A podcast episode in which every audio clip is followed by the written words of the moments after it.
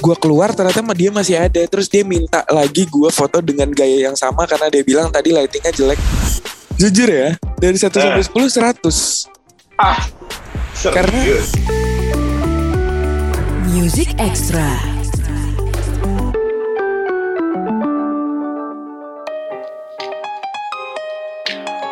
Halo good friends, Music Extra barengan gue Reno Aditya. Kali ini kita kedatangan runner up Indonesian Idol 2021, Mark Datama. Halo. Halo Mark, apa kabar? Gimana? Ntar sebelum kita ngobrol lebih jauh, gimana sih rasanya jadi jadi juara tuh? Ini sebuah ajang yang ini kan ajang besar gitu loh. Bertahun-tahun semua mata pasti ngelihat, semua mata pasti nilai juara uh, Indonesian Idol itu harus bagus, harus di dan lain sebagainya. Dan lo jadi runner up di sini. What it feels like? Gimana sih rasanya? Eh it feels unreal sih sebenarnya sampai sekarang juga masih kerasa nggak nyata gitu karena gue di awal gue datang dengan eh, baju audisi gue yang kegedean dan harapan gue cuma bisa salaman sama Teh Ocha cuma sesimpel itu. Cuman tiba-tiba gue datang ke karantina yang full of prokes bahkan gue salaman sama Teh Ocha aja nggak bisa ternyata. Tapi gue dikasih yang lebih ternyata gue lewat ke tahap selanjutnya gitu. Jadi kayak banyak hal-hal lucu sih di dalam perjalanan ini yang mengejutkan gue Oke. Dan mitosnya Mak, runner up Indonesian Idol itu biasanya lebih sukses daripada juaranya. Menurut lo gimana tuh? gue lebih baik gue nggak setuju tapi gue beneran nggak setuju karena em, apa yang gue rasakan sekarang begitu lu udah ada di di the other side ya setelah kompetisi lu paham bahwa apa pun yang terjadi lu mau juara satu lu mau juara dua lu mau juara tiga yang matters itu ya lagu lu Iya. lagu lu disukain nggak sama orang lagu lu pecah nggak gitu jadi em, menurut gue itu semua tergantung kegigihan kita berkarya sih Oke. gitu Oke oke. Gue gue gue cukup setuju. Gue cukup setuju dengan pendapat lo.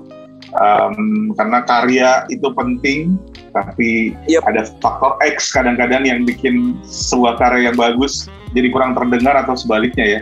Tapi Yep, oke lah. yep, yep. Kalau soal kalau hal di luar eh, di luar upaya kita itu kita nggak usah obrolin. Tapi kan usahanya usahanya Iya. sekarang adalah eh, menghasilkan karya sebaik mungkin.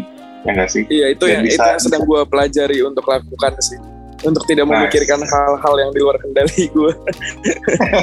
bener-bener. Eh tapi lo belajarnya kapan sih? Dari kecil, dari apa setelah udah mulai gede dan oh gue bisa nyanyi ternyata gitu. Eh gue itu sadar ya kalau sadarnya tuh SD. Cuman katanya gue dari kecil udah nyanyi lomba-lomba teriak-teriakan sama kakak-kakak gue di rumah. Cuman kan kita belum punya ingatan ya akan masa-masa itu. Jadi kalau gue baru sadar sih pas SD karena di sekolah gue kebetulan banyak acara kayak Sincaan ada acara lomba nyanyi antar kelas 17 Agustus ada Natalan ada uh, Passover Day ada jadi kayak mulai diasah lah dari situ Ah, di saat saat itulah lo mewakili kelas pada saat itu ya. Udah mulai Iya. jadi wakil kelas ya. iya Dan di sinilah sekarang Mark Netrampa Good Friends sebagai runner up dari Indonesian Idol 2021. Sebenarnya juara itu jadi tidak berarti ketika setelah itu nggak ngelakuin apa-apa, ya nggak sih? Dan Yep. dan itu dan ini dimulai dari- eh, dengan single perdananya Mark Good Friend yang udah dirilis Jago Cemburu di berbagai digital perform. Ini lagunya lucu banget, relate pasti. Mungkin buat lo yang punya pacar lebih dari tiga atau empat pasti punya pacar satu pacar yang cemburunya nyebelin. Dan pacar pacar lo yang keberapa Mark yang senyebelin di lagu ini Mark gue orang yang setia kebetulan. Jadi gue hanya memacari satu perempuan di saat yang sama gitu ya. Tapi ini mantan gue waktu gue di baru masuk kuliah. Uh, si doi ini gitu. Oke se se cringe apa sih itu cemburuannya dia? Dia itu sebenarnya gini gue tuh nggak masalah kalau misalnya gue masalah sih sebenarnya kalau cewek cemburuan. Cuman menurut gue masih masih bisa dikomunikasikan kalau di, masih dalam taraf wajar gitu ya. Cuma Hmm. kalau dia tuh let's say gue cabut malam-malam nih kan dulu gue di Bandung kan uh, uh, apa kuliah. Terus kayak dia udah tidur nih. Akhirnya malam gue cabut sama teman-teman gue ngopi. Apakah gue perlu ngomong bahwa gue cabut ngopi kan enggak? Cuman gue iya. storyin di Instagram gue paginya pas dia bangun dia ngeliat terus dia marah dia bilang kok kamu nggak ngomong sih? Terus gue bilang lah kan kamu juga udah tidur nggak nggak ngefek juga pagi-pagi pas kamu bangun aku juga udah nyampe di kosan. Aku udah balik lagi ke kosan bareng yang lain. Jadi kayak ngerti kan hal itu nggak nggak Iya, masuk iya, logik dan, iya, dan, iya, dan iya, kayak iya, iya. ah apa sih gitu dan I bet uh, ada good friends yang punya pengalaman lebih nyebelin dari gitu. gue punya gue pernah punya pacar yang kalau gue nge-MC itu nggak boleh. Kalau gue uh, ngejokes di depan orang banyak tuh nggak boleh. Karena Wah. gue cuma boleh ngejokes buat dia aja. wah Nyebelin itu sama another level sih Iya benar. Makanya level tapi kenapa kenapa gue tanya seperti itu Mark? Karena kan satu satu sebuah karya itu akan lebih nempel di penikmatnya ketika mereka ngerasa relate dengan Yep, karya tersebut. Termasuk Setuju. jago cemburu ini, ya kan hampir mungkin mungkin ada yang bilang gue nggak punya pacar yang cemburuan, kan, Mark. Tapi mungkin lo yang cemburuannya nyebelin. Ya nggak sih? Hmm, Nah, iya dari dari liriknya udah udah jelas banget kalau lagu ini emang emang eh, ngasih tahu kalau tingkah pacar yang cemburuan itu nyebelin. Tapi kita ngomongin soal eh, kenapa lagu ini bisa bisa hadir sekarang. Siapa sih yang bantuin? Kalau nggak salah ada dibantuin sama Lalil Manino, ada Kamga juga ya kan. Itu adalah pertama kali lo kerja bareng sama mereka ya. Iya. Eh, jadi di lagu ini eh, digarap oleh beberapa orang yang sangat gue idolakan gitu. Jadi sebelum gue ikut idol, gue ber eh, apa sih namanya? Gue bermimpi lah untuk bisa punya lagu yang diciptakan sama Lal Manino karena gue salah satu fans besar mereka dari Malik, dari Ran, bahkan dari Lal Manino pun gitu. Jadi kita pilih vocal director itu Kamga, terus kenapa? Karena kita merasa dia yang bisa mengeluarkan eh, sisi suara gue yang lain yang belum berani gue keluarkan gitu ya. Karena di dalam lagu ini sebenarnya gue banyak bermain di nada-nada yang sebenarnya mungkin kurang umum diambil gitu dan kayak eh, ya sulit untuk gue gitu. Jadi eh, thank you banget untuk Kamga juga yang yang berani push gue dan kita sih visinya satu uh, dalam recording kemarin dan dalam pengemasan lagu ini ya bahwa uh, lagu ini kan sebenarnya kayak menyebalkan ya karena ini tentang Iya. cemburu tentang tentang tentang pacar yang posesif. Cuman kita pengen packaging lagunya dengan cara yang fun yang bikin orang bisa joget karena kita sadar di pandemi ini kita agak kekurangan lagu yang bisa hype kita lagi karena terlalu banyak lagu galau yang keluar. Jadi gue pun sebagai seorang penikmat musik gue butuh lagu-lagu yang bisa hype gue lagi yang bisa bikin joget. Akhirnya lahirlah si jago cemburu ini dengan uh, irama yang menyenangkan. Jadi kayak lo ngebayangin punya pacar yang cemburu, nyebelin, tapi lo sayang gimana dong? Jadi ya udah deh. Iya. Ngerti? Iya. nah, um, Jago Cemburu dirilis Good Friends lo bisa nikmatin di berbagai DSP terus music videonya juga udah ada ya nggak sih?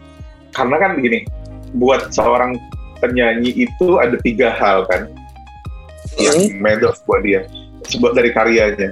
Lagunya kemudian uh, music video walaupun kalau misalnya lo besar tahun 90-an atau awal 2000 di awal 2000-an lo bisa nikmatin video klip pada saat itu sebutannya di TV ada program khususnya ada MTV ketika itu. Saat ini kan enggak jadi lo harus effort uh, buka YouTube untuk nonton music videonya. Tapi buat buat seorang Mark sendiri sepenting apa sih music video untuk melengkapi sebuah lagu apakah cuma sekedar uh, visualisasi dari lagu tadi atau buat buat seorang Mark sendiri ada ada arti khususnya arti pentingnya gitu Um, gue tuh selalu I've, be- I've always been a fan of uh, music video yang keren banget. Bahkan ada beberapa lagu yang gue suka lagu itu karena gue nonton music videonya. Awalnya gue dengerin lagunya gue biasa aja gitu. Cuman setelah gue nonton music videonya, gue tuh mengerti somehow gue bisa lebih mengerti uh, maksud dan arah si penyanyinya atau si penulisnya nulis lagu itu tuh ke mana?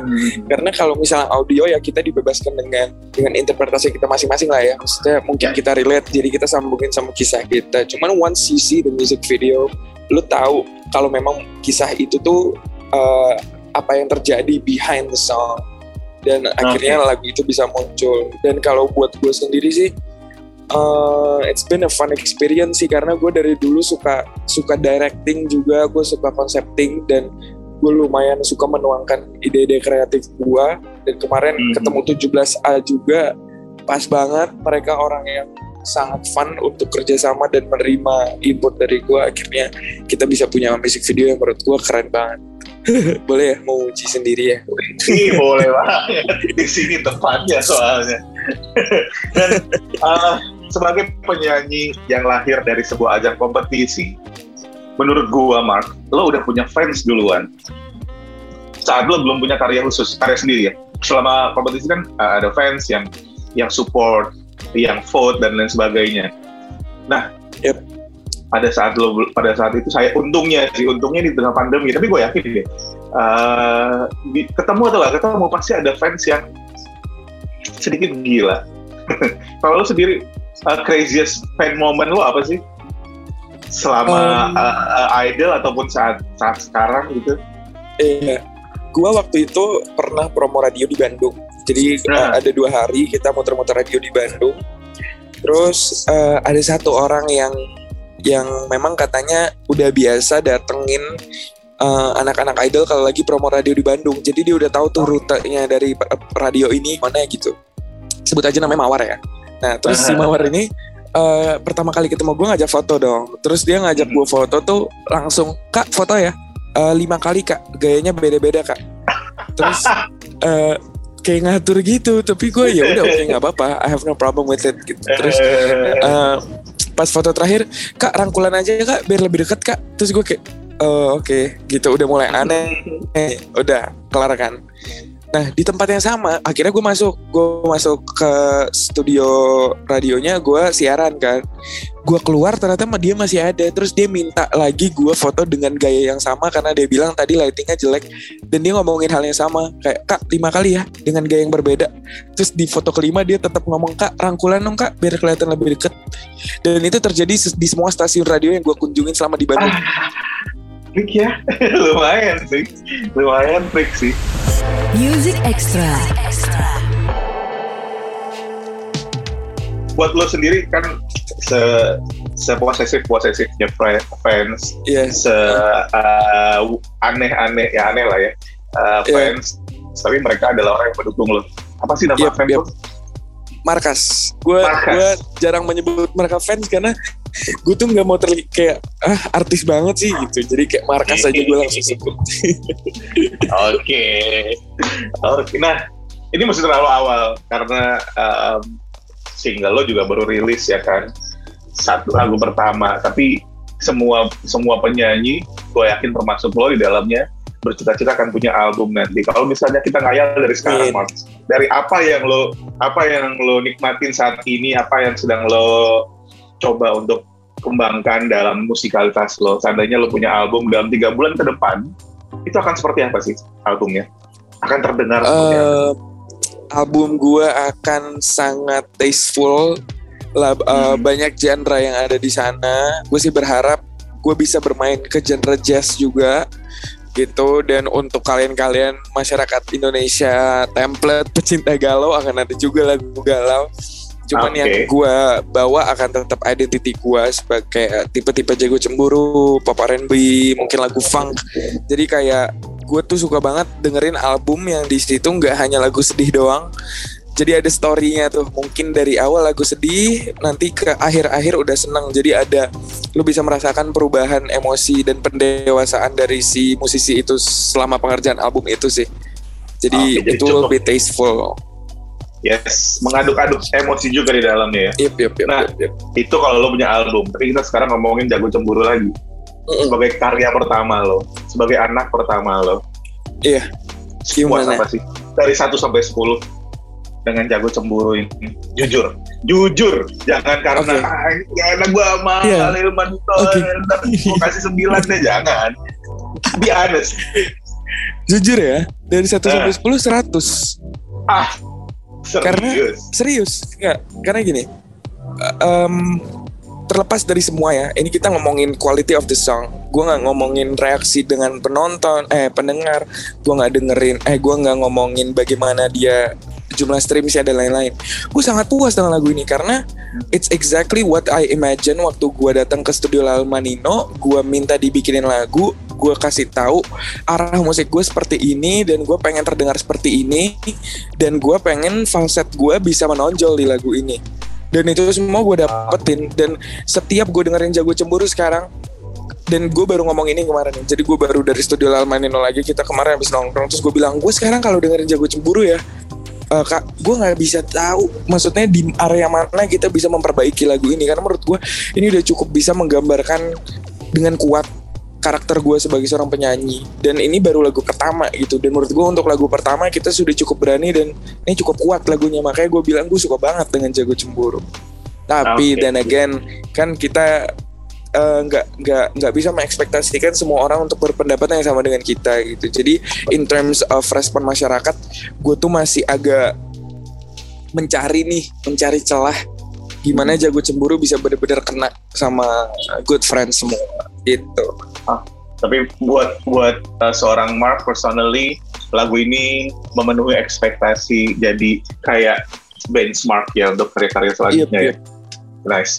Yang itu sih yang paling penting saat lo menikmati karya lo sendiri, saat lo puas, saat lo ngerasa uh, ini adalah gue dengan karya gue, maka orang lain ketika mendengarkan bisa bisa relate dengan lagu tadi, good friend. Dan lo juga bisa nilai gitu fans seenak apa sih lagu ini? Setuju gak sih dengan Mark? Lo bisa dengerin lagunya lo kasih komen lo ngomong langsung sama Mark di Instagramnya sesuka apa sama lo, lo sama lagu ini serilit apa atau mungkin lo aduh gue keberatan dengan lagunya Mark sih keberatan kenapa hmm. cuma dengerin doang karena gue tersindir Mark iya tersindir iya uh, iya iya ntar lu dibilang ini lagi uh, apa namanya pencemaran nama baik sih.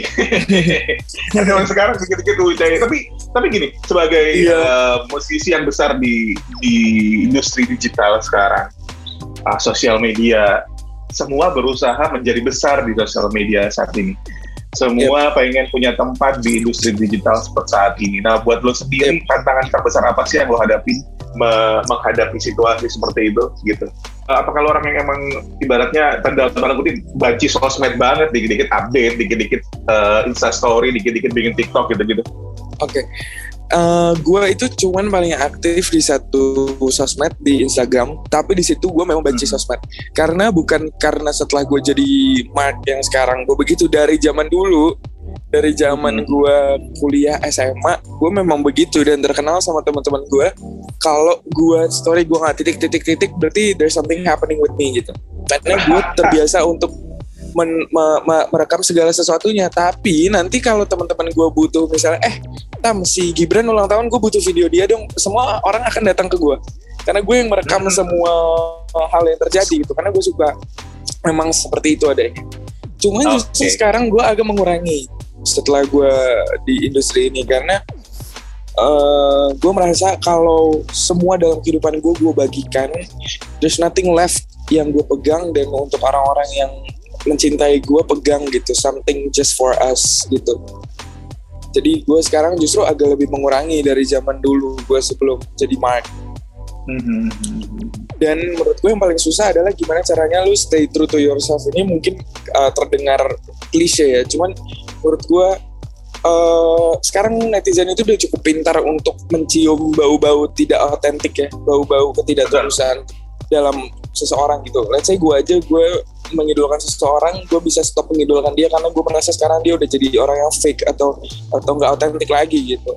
Nah sama hmm. untuk untuk gue bisa tetap ya udah gue apa adanya kalau memang gue lagi begini ya gue kasih tahu the good and the bad that is happening with my life gue akan kasih tahu dan mungkin itu susah kan terkadang kita untuk kasih tahu kita lagi ya lagi mengalami kesusahan nih dalam pekerjaan dan lain-lain mungkin banyak orang memilih untuk nggak ngasih tahu itu tapi gue memilih untuk ngasih tahu itu karena gue pengen orang yang mengidolakan gue juga mendoakan gue di kala gue sukses gak hanya menyelamati gue saat gue senang atau dapat penghargaan tapi mendoakan gue juga saat gue lagi struggling gitu itu sih okay. yang yang yang, okay. yang gue keep in mind Oke. Okay. Dari terbuka itu lo di sosial media, Mark, coba tapi pasti ada. Apa sih yang sebenarnya orang-orang followers lo fans lo nggak tahu dari seorang Mark Natama yang saat ini kayak aslinya tuh gue tuh begini gitu. Aslinya gue itu lebih lebih selengean dari yang mereka tahu sih. Karena karena uh, apa namanya gue sometimes gue bisa jadi orang yang yang sangat cukup dewasa gitu ya kayak oh, gue punya petua ini gue punya nasihat ini gue punya quotes ini. Cuman aslinya gue tuh kalau dengan orang-orang yang gue nyaman gue akan menjadi orang yang paling kanak kanak kanakan itu gue. Oke oke oke oke. Terakhir Mark. 2022 apa sih rencana lo di tahun ini? Uh, apa yang apa yang akan Mark Natama lakukan setelah single perdana Jago Cemburu ini? Um, 2022 gua akan terus berkarya tentunya dan dan kita akan mencoba sebuah formula baru gitu. Just to keep things fresh untuk teman-teman yes. semua. Terus gue akan mulai skripsi gue di tahun 2022 jadi tolong didoain ya. Semoga gue gak jadi mahasiswa abadi ya. Mark jam modern ada joki Aduh jangan dong. Ini kan mengedukasi di sini. Good friends. Oke. okay. Terus gue pengen mulai nyicil-nyicil rumah sih tahun depan. Oh, itu penting, itu penting, itu penting. Well, apa pun itu, mudah-mudahan lancar semua. Thank uh, you, thank you. We cannot expect 2022 akan better daripada 2021 dan 2020, but at least yang paling penting, good friends, you have to have faith kalau lo bisa ngelewatin 2022 dengan gak kalah baiknya dibandingkan dua tahun itu, kemarin ini ya kan Itu benar. Oke, okay. Mark, makasih banyak udah mampir ke Music Extra. Sukses dengan karir lo, jago, cemburu. Thank you, brother. Nikmatin The Friends, uh, nikmatin juga music videonya. Kenalan sama Mark di Instagram @marknatama. Uh, you know what to do lah. Pasti uh, gimana caranya jadi fans yang uh, cringe ataupun fans yang menyenangkan. Yang penting dengerin dan nikmati karyanya Mark. Itu dia fans teman baru kita di Music Extra, Mark Nakama. Music Extra.